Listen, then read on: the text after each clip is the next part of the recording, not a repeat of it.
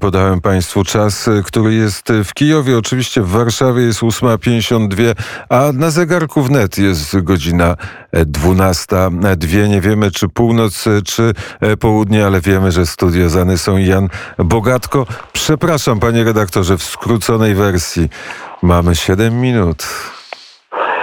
8.52, no więc y, to jest ta godzina u nas jesteśmy 8.52, no 8.52 to można powiedzieć w różny możliwy sposób, ale teraz oczywiście tematy są e, ważniejsze i ciekawsze od, od czasu, aczkolwiek od czasu nie ma nic ważniejszego, się twierdzi. Wiele lat upłynęło od ostrzeżenia ze strony Polski przed y, imperialną polityką Rosji. Rzadko kiedy przypomina się słowa Lecha Kaczyńskiego w Tbilisi. Teraz mamy Ukrainę, teraz mamy y, y, Donbas i Ługańsk, już Krym zapomnieliśmy przecież, już się o nim w ogóle nie wspomina.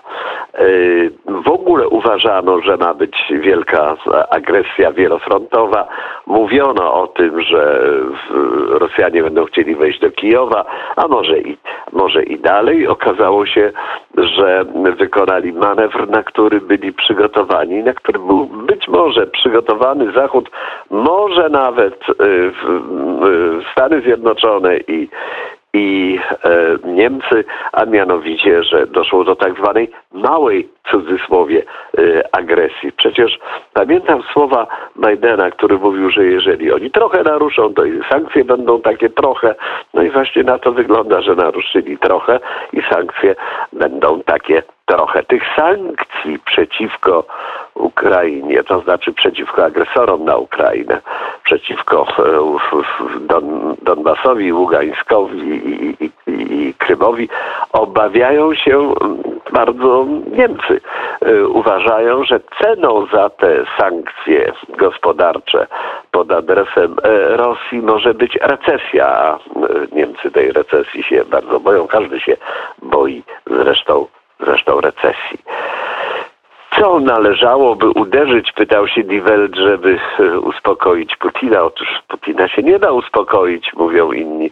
E, Putin e, skalkulował swoje operacje, swoje przedsięwzięcia, swoje akcje polityczne, nakładanie sankcji. Najlepszą, najlepszym rozwiązaniem byłoby wstrzymanie zakupu gazu od Rosji, ale kto sobie by na to pozwolił?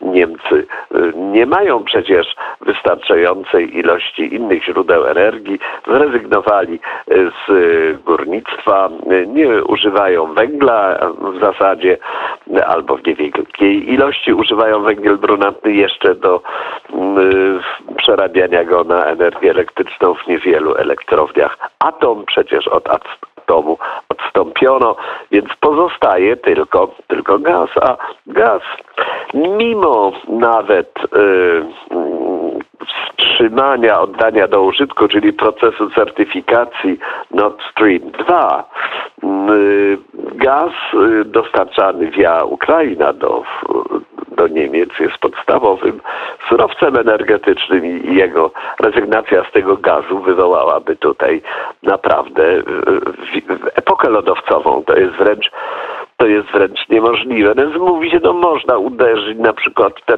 regiony y, Don, y, Donbaska i y, Ługańska, aby tam nie eksportowały niemieckie firmy jakichś ważnych, ważnych wyrobów przemysłowych, służących na przykład telekomunikacji, służących rozwojowi infrastruktury.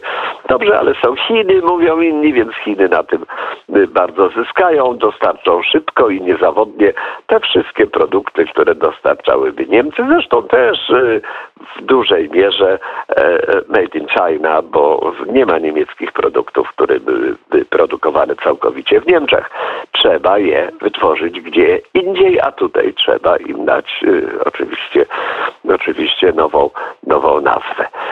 Y, mówi się również o tym i czytam to w wielu gazetach, że niemiecka polityka zagraniczna poniosła totalne fiasko. To Süddeutsche Zeitung, lewicowa gazeta monarchijska, wskazała na to. No, po prostu Niemcy od lat zabiegali o, o pokój, o pokój między Ukrainą a Rosją, a tutaj nic się z ich e, pragnień, marzeń nie spełniło.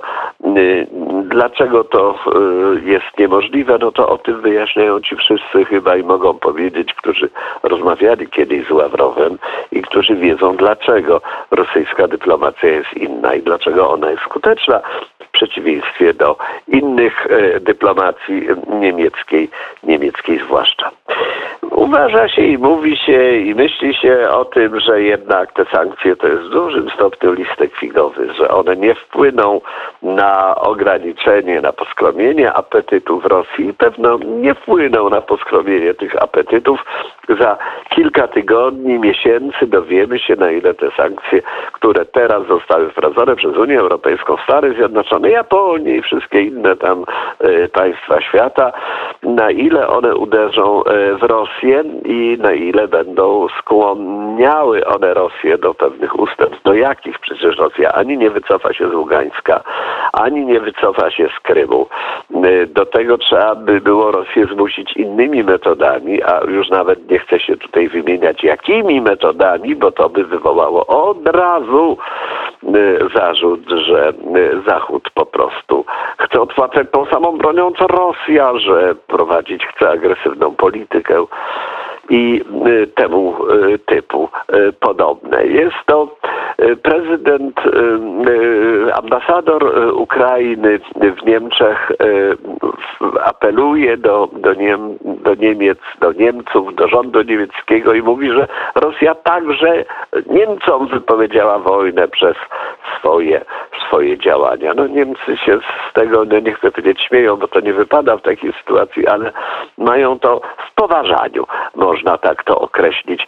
I y, przechodzą do, do porządku dziennego jedyne pytanie, które sobie zadają, bo to jest pytanie oczywiście ważne. Ilu uchodźców mogłoby na wypadek wojny y, rosyjsko-ukraińskiej przyjść do, do Niemiec i jakby to finansowo obciążało Niemcy. I tam czytam między innymi, że to są różne scenariusze i tutaj y, Nancy Faeser z SPD zabrała głos i mówi o tym i mówi, że oczywiście Polska byłaby pierwszym krajem, z którym by się spotkała, na który by uderzyła fala uchodźców, ale Polska ma ograniczone możliwości i ich tylu nie mogłaby przyjąć. No ona nie jest specjalnie zorientowana, ona może wie już, gdzie Polska leży, ale nie bardzo wie chyba o tym, że, że w Polsce mieszka już w tej chwili mnóstwo Ukraińców tak. że to są w gruncie rzeczy uchodźcy e, w przeciwieństwie do mm, osadników, to jest innego rodzaju grupa. Bardzo e, serdecznie dziękuję. E, studio są Jan Bogatko. Miłego dnia. Na zegarze godzina e, dziewiąta. Za chwilę Adrian Kowarzyk i konferencja premiera Mateusza Morawieckiego i ministra zdrowia pana Niedzielskiego.